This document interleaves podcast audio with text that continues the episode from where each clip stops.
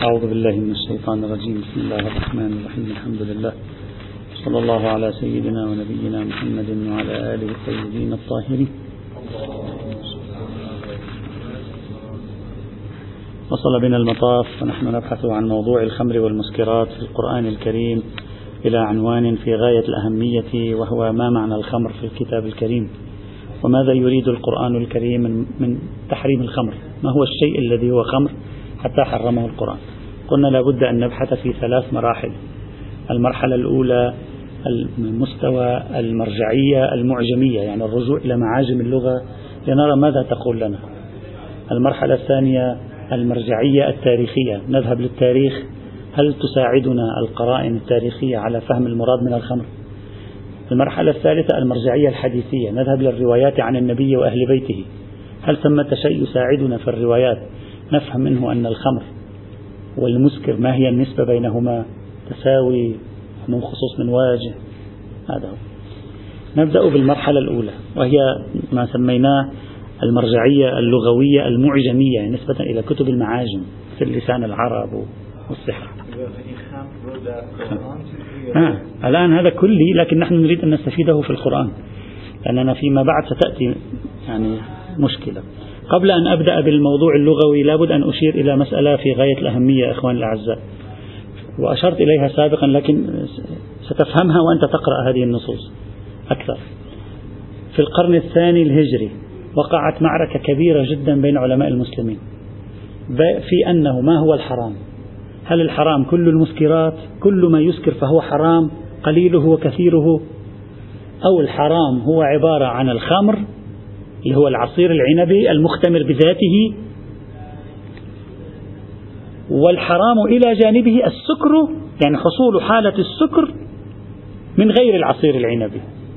مثل مثل المسكرات المصنعة الكحولية الآن التي هي مصنعة عبر إضافة مواد كيميائية.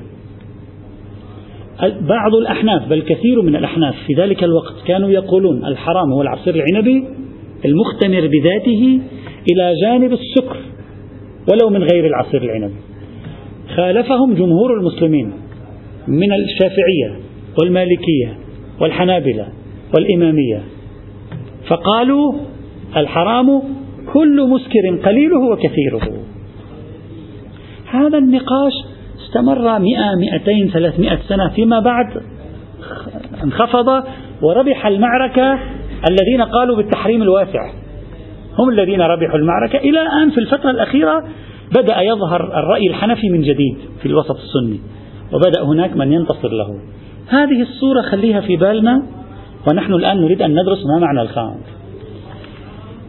يقول الفراهيدي أو صاحب العين يقول خمر اختمر الخمر أي أدرك اختمر الخمر أي أدرك.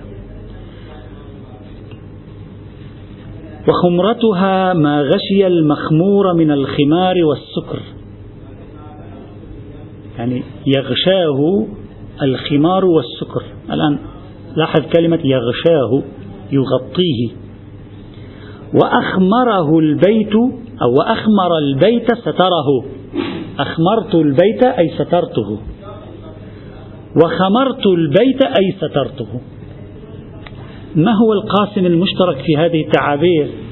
القاسم المشترك الستر. عندما تغطي شيئا عندما تستر شيئا تقول العرب خمرته. ومنه يقول العرب خمار المرأة. أي؟ ما هو يستر المرأة؟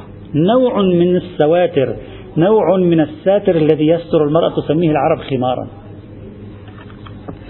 إذا لاحظوا معي أن صاحب العين كتاب العين لم يعرف الخمر على أنها شراب مخصوص.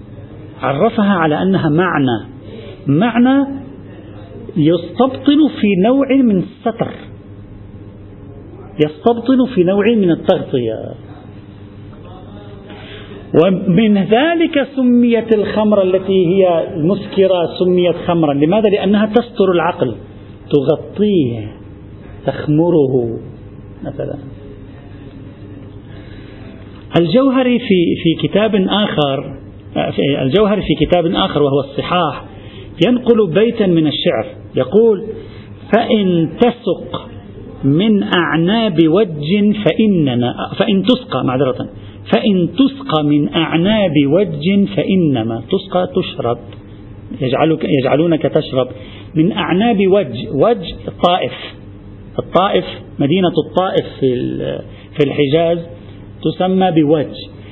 فإن تسقى أنت من أعناب وج فإننا يعني يفتخر يقول فإننا لنا العين يعني مثل نبع العين تجري من كسيس ومن خمر. ميز بين الكسيس وبين الخمر والكسيس هو نبيذ التمر. فقال نحن عندنا عيون إذا أنت يساق لك الخمر من الطائف فنحن لدينا عيون نبع من نبيذ التمر ومن الخمر. فرق بين نبيذ التمر والخمر. وهذا يوحي أن الخمر شيء ونبيذ التمر الذي قد يسكر أحيانا شيء آخر. إذن في, في, في, في النص الأول لصاحب العين كأنما الخمر تلتقي عند عنوان ستر العقل. لا فرق في نوعها بين أن تكون من العنب أو لا تكون من العنب.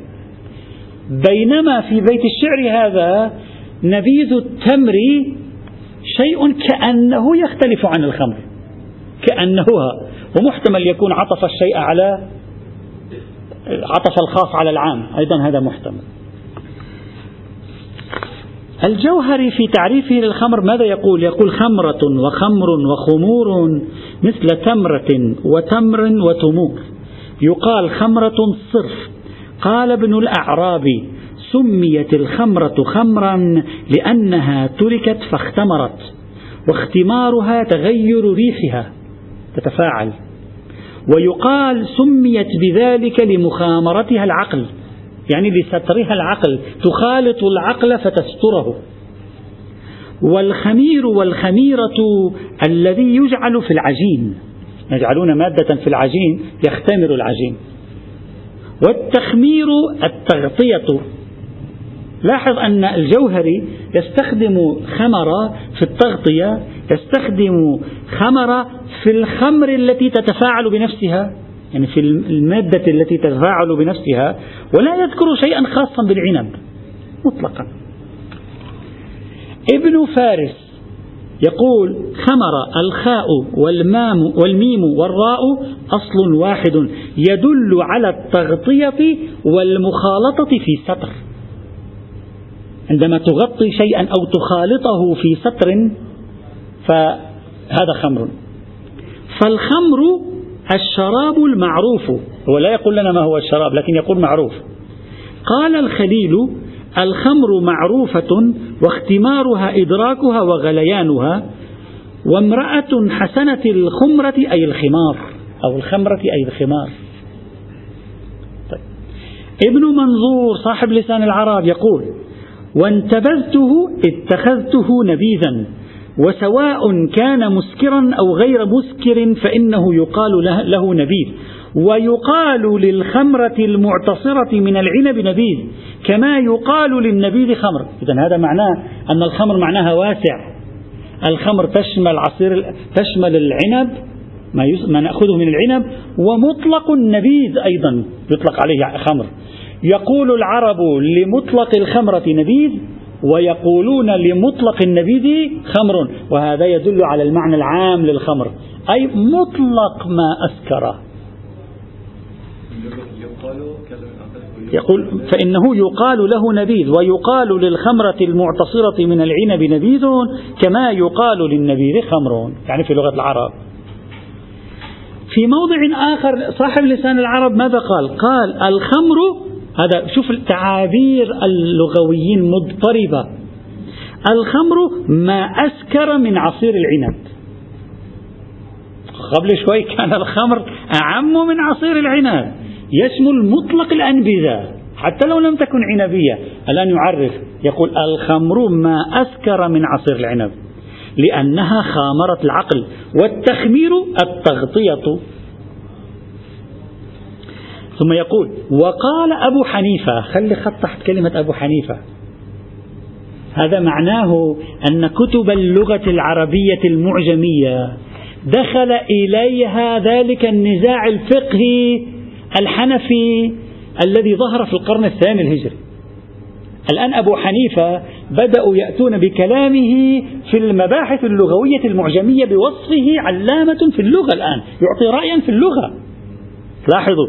وقال أبو حنيفة قد تكون الخمر من الحبوب. فجعل الخمر من الحبوب. يعني الخمر مش بالضرورة تكون من العنب فقط. قال ابن السيدة أحد العلماء اللغة وأظنه تسمحا منه. ابن سيدة علق على ما نقل عن أبي حنيفة من أن المسكر المتخذ من الحبوب لأنه يأخذون المسكر حتى من من من الذرة.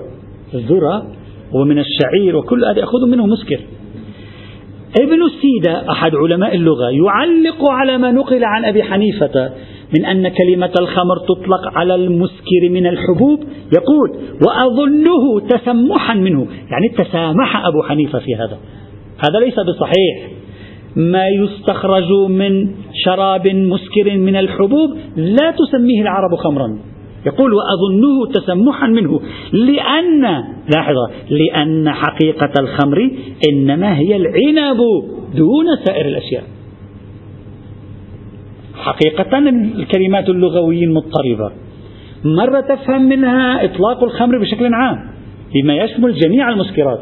مرة تفهم منها الخمر ملاك الخمرية فيها تغطية العقل. وهذا عام. ومرة إصرار عجيب على أن الخمر فقط وفقط العنب.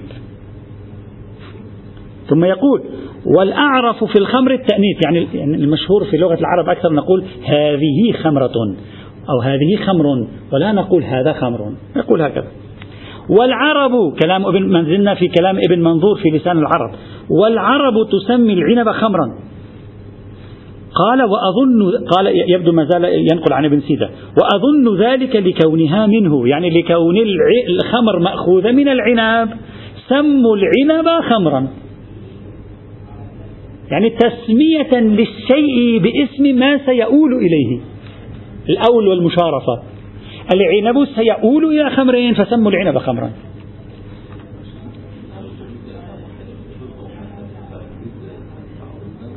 نعم هذا النقل الذي نقله عن أبي حنيفة يعاكس كل المعروف عن الأحناف في موضوع الحبوب.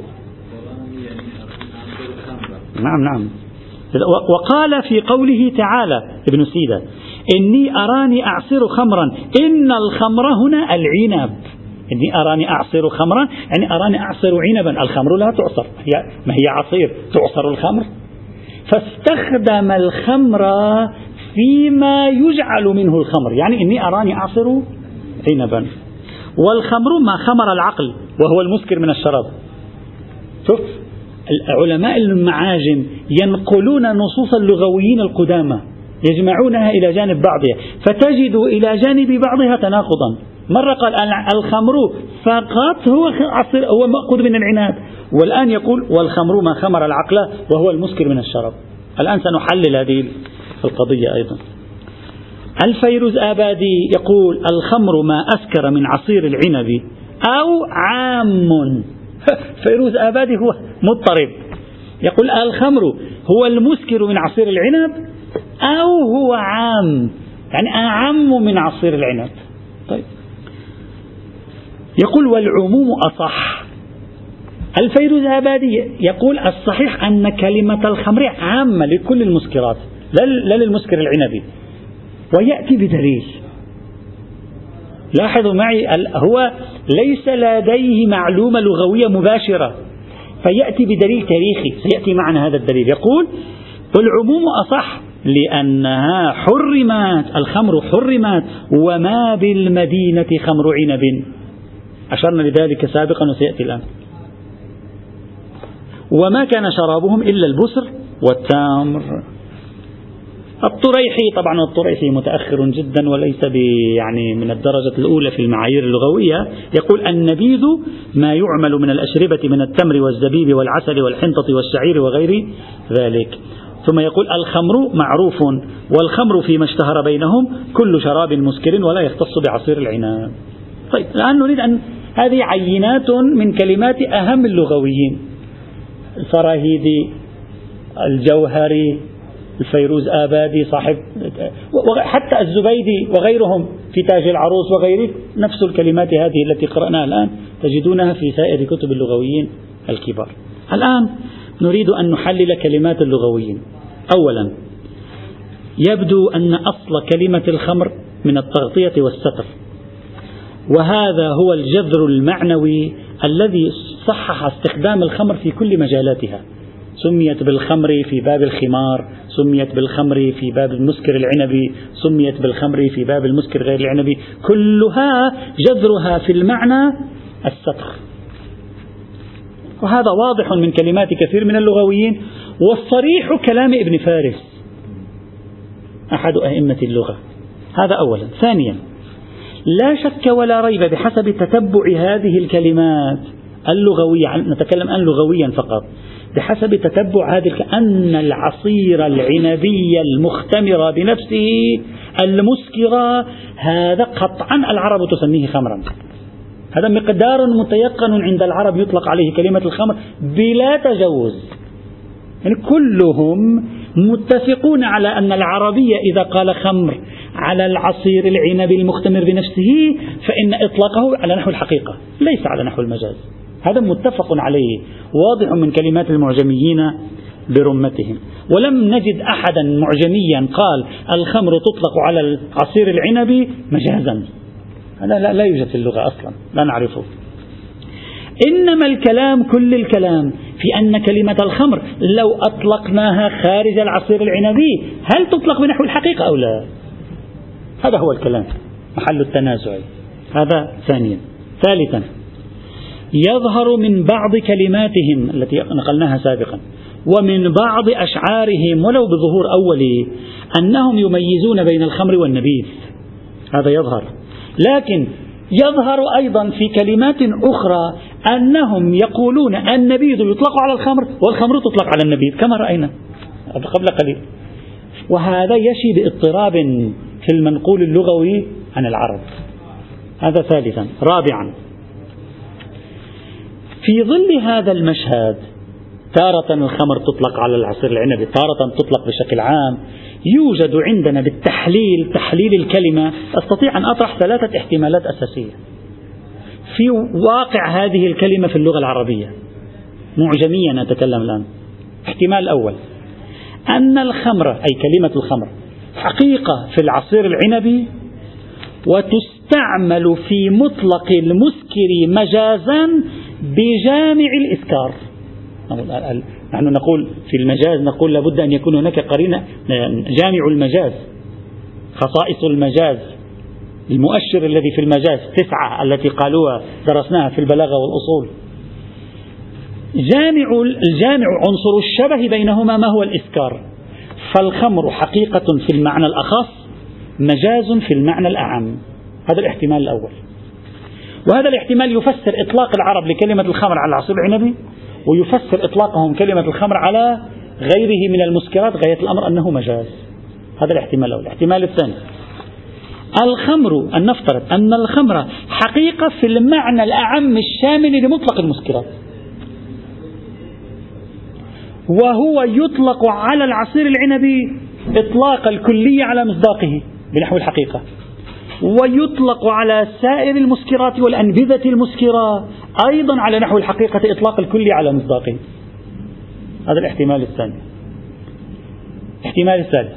أن نقول الخمر مشترك لفظي. لها معنيان. معنى عام ومعنى خاص. هي أصلا مشترك لفظي بين عام وخاص. مثل كلمة الغنيمة على رأي بعض العلماء مثل السيد محمود الهاشمي رحمة الله تعالى عليه. لها معنى عام وهو مطلق المسكر ولها معنى خاص وهو العصير العنبي. ثلاث احتمالات. إذا الاحتمال الأول الخمر حقيقة في العنبي مجاز في غيره. الاحتمال الثاني الخمر حقيقة في الأعم من العنبي وغيره. وتطلق على الجميع بنحو الحقيقة. والجميع مصاديق لا مشترك. مصاديق للمعنى الكلي. آه نعم مشترك معنوي الثالث أن كلمة الخمر مشترك بين المعنى العام وهو مطلق المسكر والمعنى الأخص وهو خصوص العصير العنبي. ثلاث احتمالات هذه يمكنها أن تفسر كلمات اللغويين يعني ما تعكسه كلمات اللغويين. طيب القدر المتيقن. من مجموع هذه الاحتمالات ما هو؟ أن الخمر تطلق على العنب بنحو الحقيقة. هذا قدر متيقن. على ثلاث احتمالات. أنها تطلق عليه بنحو الحقيقة. لكن في فرق بين الاحتمالات. على الاحتمال الأول إطلاقها على العنب لا يحتاج إلى قرينة. إطلاقها على غير العنب يحتاج إلى قرينة. الاحتمال الثالث إطلاقها على العنب يحتاج إلى قرينة وإطلاقها على غير العنب يحتاج إلى قرينة. لماذا؟ لأن المفروض أنه مشترك. والمشترك اللفظي إطلاقه على واحد دون دون الثاني يحتاج إلى قرينة. فيصبح إرادة الخمر بخصوصها أي بالمعنى الأخص من كلمة الخمر بحاجة إلى قرينة أيضا. كما أن إرادة المعنى الأعم من الخمر بحاجة إلى قرينة أيضا على الاحتمال الثالث. كيف؟ لا ليس مشمولا. آه الحكم مشمول لا الاستعمال نتكلم لغة. الحكم الشرعي نعم يشمل حينئذ. لكن الإطلاق ماذا يقصد من عندما قال لا تشرب الخمر؟ ماذا أراد من الكلمة؟ أراد لا تشرب المسكر أو لا تشرب العصير العنبي المختمر. لغة نتكلم الآن. طيب. في مقابل هذا هذا الآن النتيجة يعني الاحتمالات في البحث المعجمي فقط. نتيجة نهائية لا يوجد الآن. نتيجة نهائية عندما نعبر المرحلتين اللاحقتين. طيب. قد يقال إذا رجعنا إلى الآية القرآنية التي دلت على تحريم الخمر يوجد في هذه الآية قرينة على أن المراد من الخمر هنا مطلق المسكر. سواء كانت إرادة مطلق المسكر بنحو المجاز أم كانت إرادة مطلق المسكر بنحو المشترك اللفظي. لا فرق. أو كانت إرادة مطلق المسكر بنحو أنه هو المعنى الموضوع له اللفظ بناء على الاحتمال الثاني. أين هي القرينة؟ تعليل. التعليل هو المهم. إنما يريد الشيطان أن يوقع بينكم العداوة والبغضاء في الخمر والميسر ويصدكم عن ذكر الله وعن الصلاة فهل أنتم منتهون؟ هذا التعليل لا فرق فيه بين أن يكون هذا المسكر اتخذ من عنب أو اتخذ من ذرة أو اتخذ من تمر. شو الفرق؟ ما في فرق. التعليل في الآية يصلح قرينة على التعميم على تعميم الحكم. بل يصلح قرينة على تعميم المراد من كلمة الخمر. وأنه ليس المراد منها خصوص العصير العنبي هذا يصلح حينئذ. يعني إذا كان المعنى المطلق مجازا هذا الآية الثانية قرينة المجازية. إذا كان المعنى المطلق هو الموضوع له اللفظ فبها ونعمت. وهو الموضوع له اللفظ. إذا كان المعنى الأعم هو أحد طرفي المشترك اللفظي فهذه قرينة على ترجيح طرف في المشترك اللفظي. وأنعم بها من قرينة. إذا مهما فسرنا لغة كلمة الخمر تصلح الآية الثانية في سورة المائدة. قرينة على أن كلمة الخمر في الآية الأولى تشمل مطلق الخمر. إذا إما بنحو المجاز مطلق المسكر إما بنحو المجاز أو بنحو ترجيح المعنى الثاني المشترك أو بنحو أنه هو الموضوع له. على كل التقادير حينئذ. وتنفع في التعميم.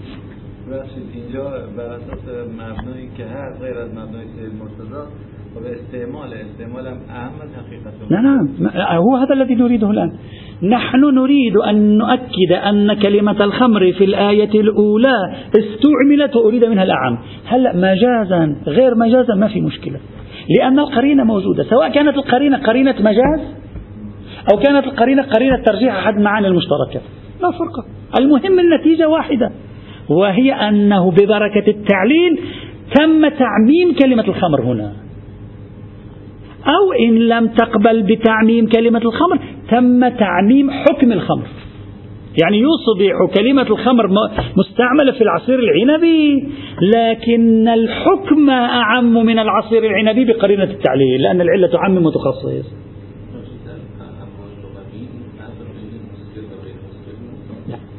واللو المسكر طبعا الخمر فقط المسكر. لا. هذا بحث ثاني شيخنا. هذا بحث. الخمر نفسها أيضا قد لا تكون مسكرة.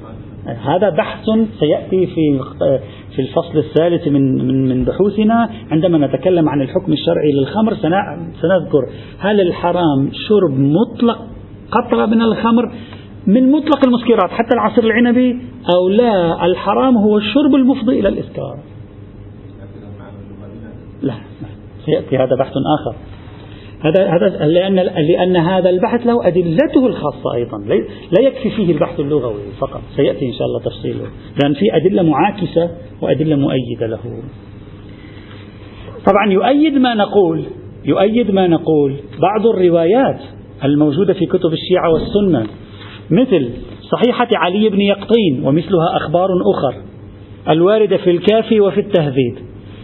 عن أبي إبراهيم عليه السلام قال إن الله تبارك وتعالى لم يحرم الخمر لإسمها. لم يحرم الخمر لإسمها ولكن حرمها لعاقبتها نتائجها. هذا الذي كنا نقوله سابقا. هي في حد نفسها ما في مشكلة فيها. الموضوع ما في عندنا حساسية من الاسم. المشكلة في نتائجها. يقول الإمام ولكن حرمها لعاقبتها. فما فعل فعل الخمر فهو خمر. فما فعل فعل الخمر فهو خمر. هلا إما ما فعل فهو خمر ما معنى فهو خمر؟ يعني محكوم بحكم الخمر ولو لم يكن خمرا. كل ما من شأنه نوعا أن يصد عن ذكر الله وعن الصلاة. كل ما من شأنه نوعا أن يحدث العداوة والبغضاء بين المؤمنين فعله فعل الخمر. هذا نتيجة هذا تعميم كلي يذكره الإمام في وطبعا هذه الرواية يعني طبعا هذه القصة تجدها في المقارنة بين كتب الحديث الشيعية وكتب الحديث السنية. كتب الحديث السنية وعلى رأسها آه، سنن الدار قطني. أوردوا هذه الرواية بالسند إلى محمد بن علي. عفوا إلى جعفر بن محمد الصادق عليه السلام. مسندا عن بعض أهل بيت علي عليه السلام أنه سأل عائشة عن النبي فقالت يا بني إن الله لم يحرم الخمر لإسمها وإنما حرمها لعاقبتها وكل شراب يكون عاقبته كعاقبة الخمر فهو حرام كتحريم الخمر. أي نفس الرواية المروية عن الإمام الصادق عليه السلام. هنا مروية عنه لكن هو راو وصاحب الرواية هو عائشة. وهذا بعد من الاختلاف المصادر الحديثية. على أي حال الآن لا يهمني الحكم لا يهمني الحكم وأنني كيف أستطيع أن أستفيد من التعليل للتعميم في هذه الآية. يهمني الآن معنى كلمة الخمر في اللغة العربية. وقد استنتجنا أن معنى كلمة الخمر بحسب معطيات المعجميين لا نستطيع أن نتأكد منها في شيء. القدر المتيقن منها قدر متيقن منها على نحو الحقيقة أنها تستعمل تستعمل في العصير العنبي بنحو الحقيقة غيره فيه احتمالات سوف نرى فيما بعد أي الاحتمالات هو الأرجح هذا البحث اللغوي. المرحلة الأولى. المرحلة الثانية. البحث التاريخي. توجد مجموعة من الشواهد التاريخية يعني غير روايات النبي وأهل بيته عليهم السلام. توجد مجموعة من الشواهد التاريخية تؤكد أن الخمر المراد منها خاصة في آية الخمر هو مطلق المسكر لا خصوص العصير العنبي. أهم هذه الشواهد التاريخية هو خبر عبد الله بن عمر. قال نزل تحريم الخمر وإن في المدينة يومئذ لخمسة أشربة. خمسة أشربة خمسة أشربة وما فيها شراب العنب.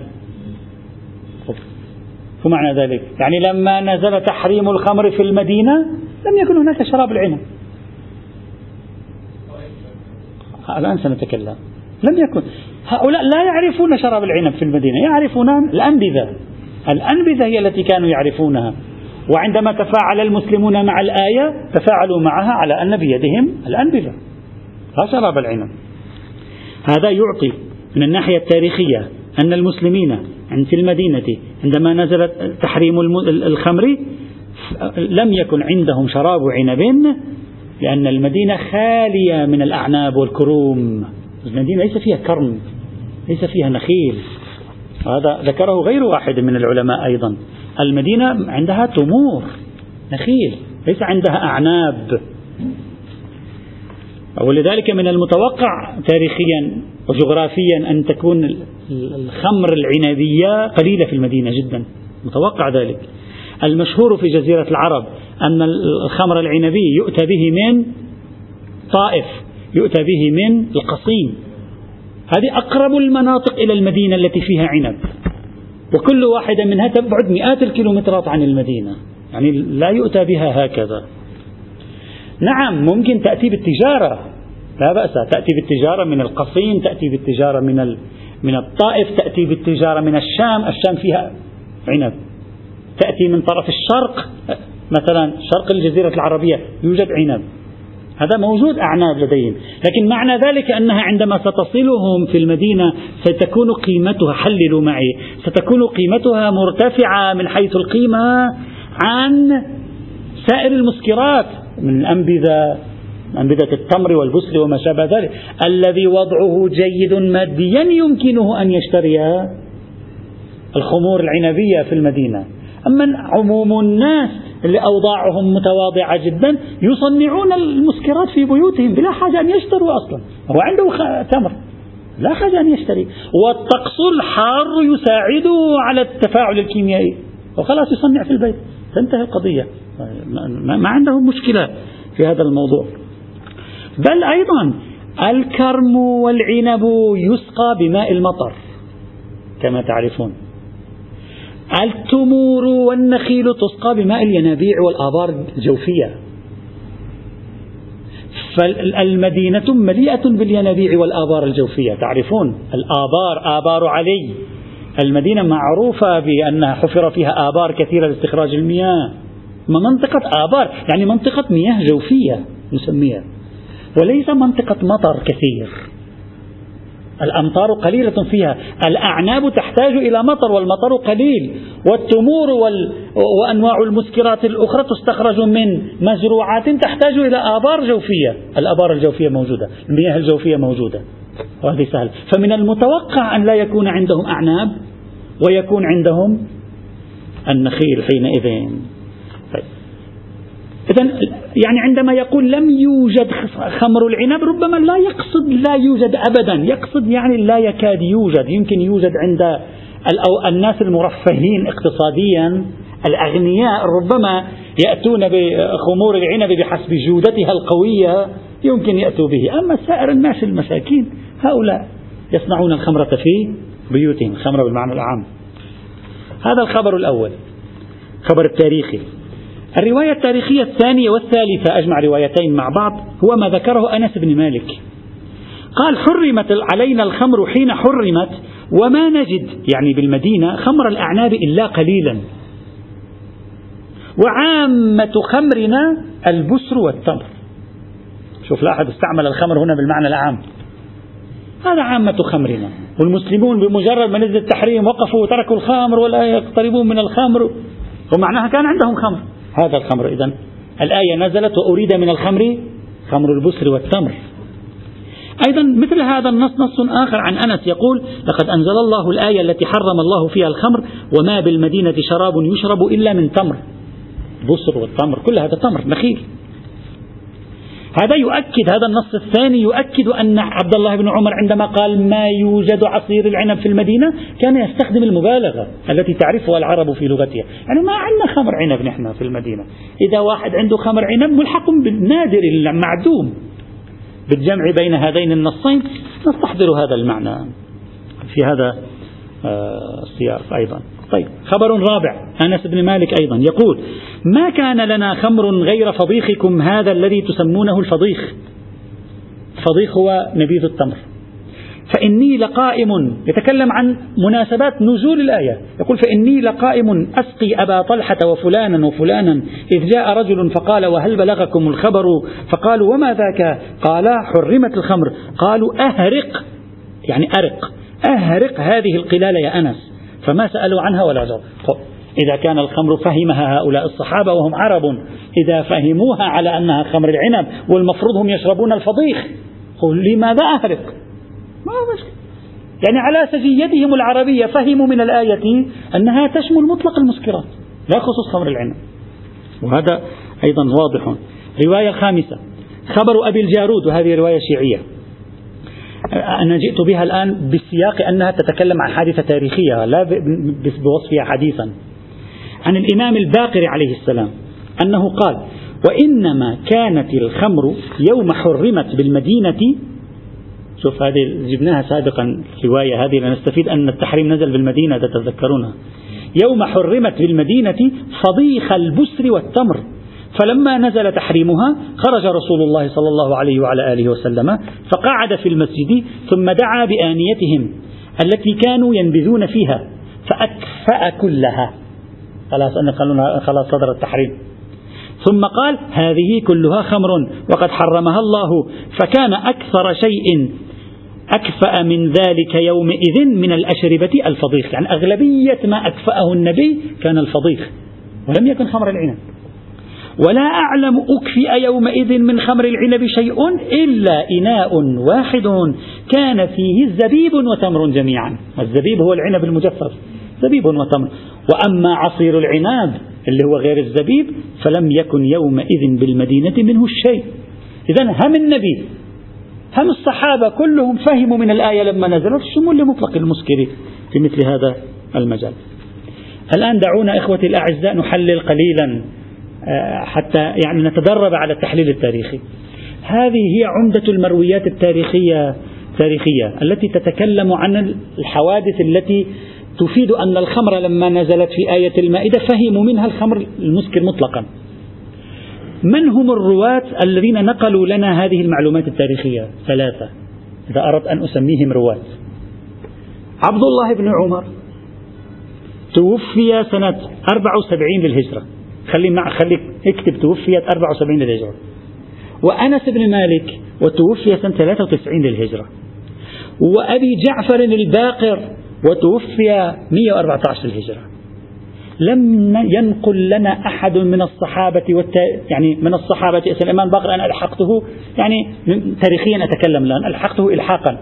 لم نجد نصا يعطي إيحاء بجدل حول الموضوع. باستثناء هذه الشخصيات الثلاثة ماذا يعطينا هذا؟ يعني لماذا لم نجد نصا يشبه هذا مروي عن أبي بكر عن عمر عن عثمان عن عبد الله بن مسعود عن عن عن عن هذا يعطي احتمال إخوتي الأعزاء أن جدلا بدأ في النصف الثاني من القرن الأول الهجري يناقش في سعة تحريم الخمر. إذا صحت هذه المرويات تصلح مؤشرا تاريخيا أن بدايات الجدل حول سعه تحريم الخمر بدأت من النصف الثاني من القرن الأول. وأنها في النصف الأول من القرن الثاني فيما بعد تحولت إلى رأي فقهي وبدأ بعض الفقهاء يقول حلال غير الخمر العنبي إلا إذا أسكر والخمر العنبي حرام مطلقا وإلا لماذا ما هذه الصدفة أن أولئك الذين نقلوا لنا هذا الجدل التاريخي حول ما هي الخمر التي حرمت؟ هل هي مطلق المسكر أو ليس مطلق المسكر؟ لماذا لم نجد أحد من الذين توفوا قبل هذا الزمن؟ لا يوجد. سنة 73 للهجرة أغلب الصحابة كانوا قد توفوا. معنى ذلك الجدل بدأ يبدأ بالنقاش متأخرا. ممكن أقول من الممكن أن تكون بداية النقاش حول هذا الموضوع. بدأت في النصف الثاني من القرن الأول الهجري. والعلم عند الله وتحولت إلى رأي فقهي. له أنصاره وفقهاؤه في القرن الثاني الهجري كما سوف يأتي. طيب إذا البحث المعجمي أوصلنا إلى نتيجة. الخمر العنبي حتما خمر غير العنب فيه نقاش. في نقاش. البحث التاريخي معطياته تؤكد أن الخمر في آية الخمر وأمثالها أعم من الخمر العنبي مطلق المسكر. هذا البحث التاريخي نجي إلى البحث الحديث الذي هنا المشكلة الكبرى. هنا المشكلة الكبرى. عندنا مجموعتين من الروايات خاصة في الوسط الشيعي. مجموعة واضحة وصريحة في أن الخمر في آية الخمر بل في القرآن لا يشمل إلا العصير العنبي. أبدا فقط العصير العنبي. والقرآن لم يحرم سائر المسكرات. ومجموعة ثانية في مقابلها تقول لا الخمر أوسع من العصير العنبي. وهذه الروايات كثيرة إلى حد أن بعض العلماء الروايات التي تميز بين الخمر وبين مطلق المسكر وصفها بأنها مستفيضة تكاد تكون مستفيضة متواترة. يعني حتى السيد باقر الصدر هم أيضا قال ذلك في بعض أبحاثه. أنا سأجعل الروايات على مجموعتين على قسمين. القسم الذي يميز بين الخمر وسائر المسكرات والقسم الثاني هو القسم الذي يوحد الخمر وسائر المسكرات. في القسم الأول توجد مجموعات حديثية وفي القسم الثاني أيضا نبحث. نبدأ الآن بالقسم الأول. صارت واضحة الصورة؟ المجموع الحديث الروايات والحديث. قسمين. قسم يوحد أو قسم يفرق وقسم يوحد بين الخمر ومطلق المسكر. نبدأ الآن بالقسم الذي يفرق. الذي يفرق في عدة مجموعات من الروايات. المجموعة الأولى. نصوص عنوانها نصوص تحريم النبي للمسكر. وتحريم القرآن للخمر. عندنا روايات صريحة أن القرآن حرم الخمر والنبي هو الذي حرم المسكر. وليس القرآن حرم المسكر. يعني في إصرار عجيب في الروايات على هذا الموضوع. أن القرآن لم يحرم المسكرات. القرآن فقط حرم الخمر. وهذا ما معنى ما معنى هذا الكلام؟ معنى أن الخمر ليست هي مطلق المسكرات لأن الخمر التي استخدم تكلم عنها القرآن لو كانت هي مطلق المسكرات لماذا يقول النبي حرم المسكر؟ القرآن حرم المسكر. صحيح؟ مثلا نعطي نماذج من الروايات الرواية الأولى صحيحة الفضيل بن يسار. صحيحة الفضيل بن يسار على على أغلب المباني هذه الرواية صحيحة الإسناد. عند السيد الخوي أيضا. قال سمعت أبا عبد الله عليه السلام يقول لبعض أصحاب قيس الماصر قيس الماصر. وحرم هذا كلام الإمام الصادق. وحرم الله عز وجل الخمر بعينها. وحرم رسول الله المسكر من كل شراب. فأجاز الله له ذلك كله. يعني القرآن الله ماذا حرم؟ حرم الخمر. جاء النبي بفطرته السليمة بوعيه برأيه سم ما تريد. حرم كل مسكر قال له الله أجيز تحريمك. من الذي حرم كل مسكر؟ النبي. الله أمضى التحريم. بينما الذي حرمه الله ما هو؟ الخمر. وهذا خير دليل على أن الله لم يحرم جميع المسكرات بل حرم العصير العنبي خاصة. لأن لا يمكن أن تميز بين خمر ومطلق المسكر إلا أن تفسر الخمر بالعصير العنبي. فهذه رواية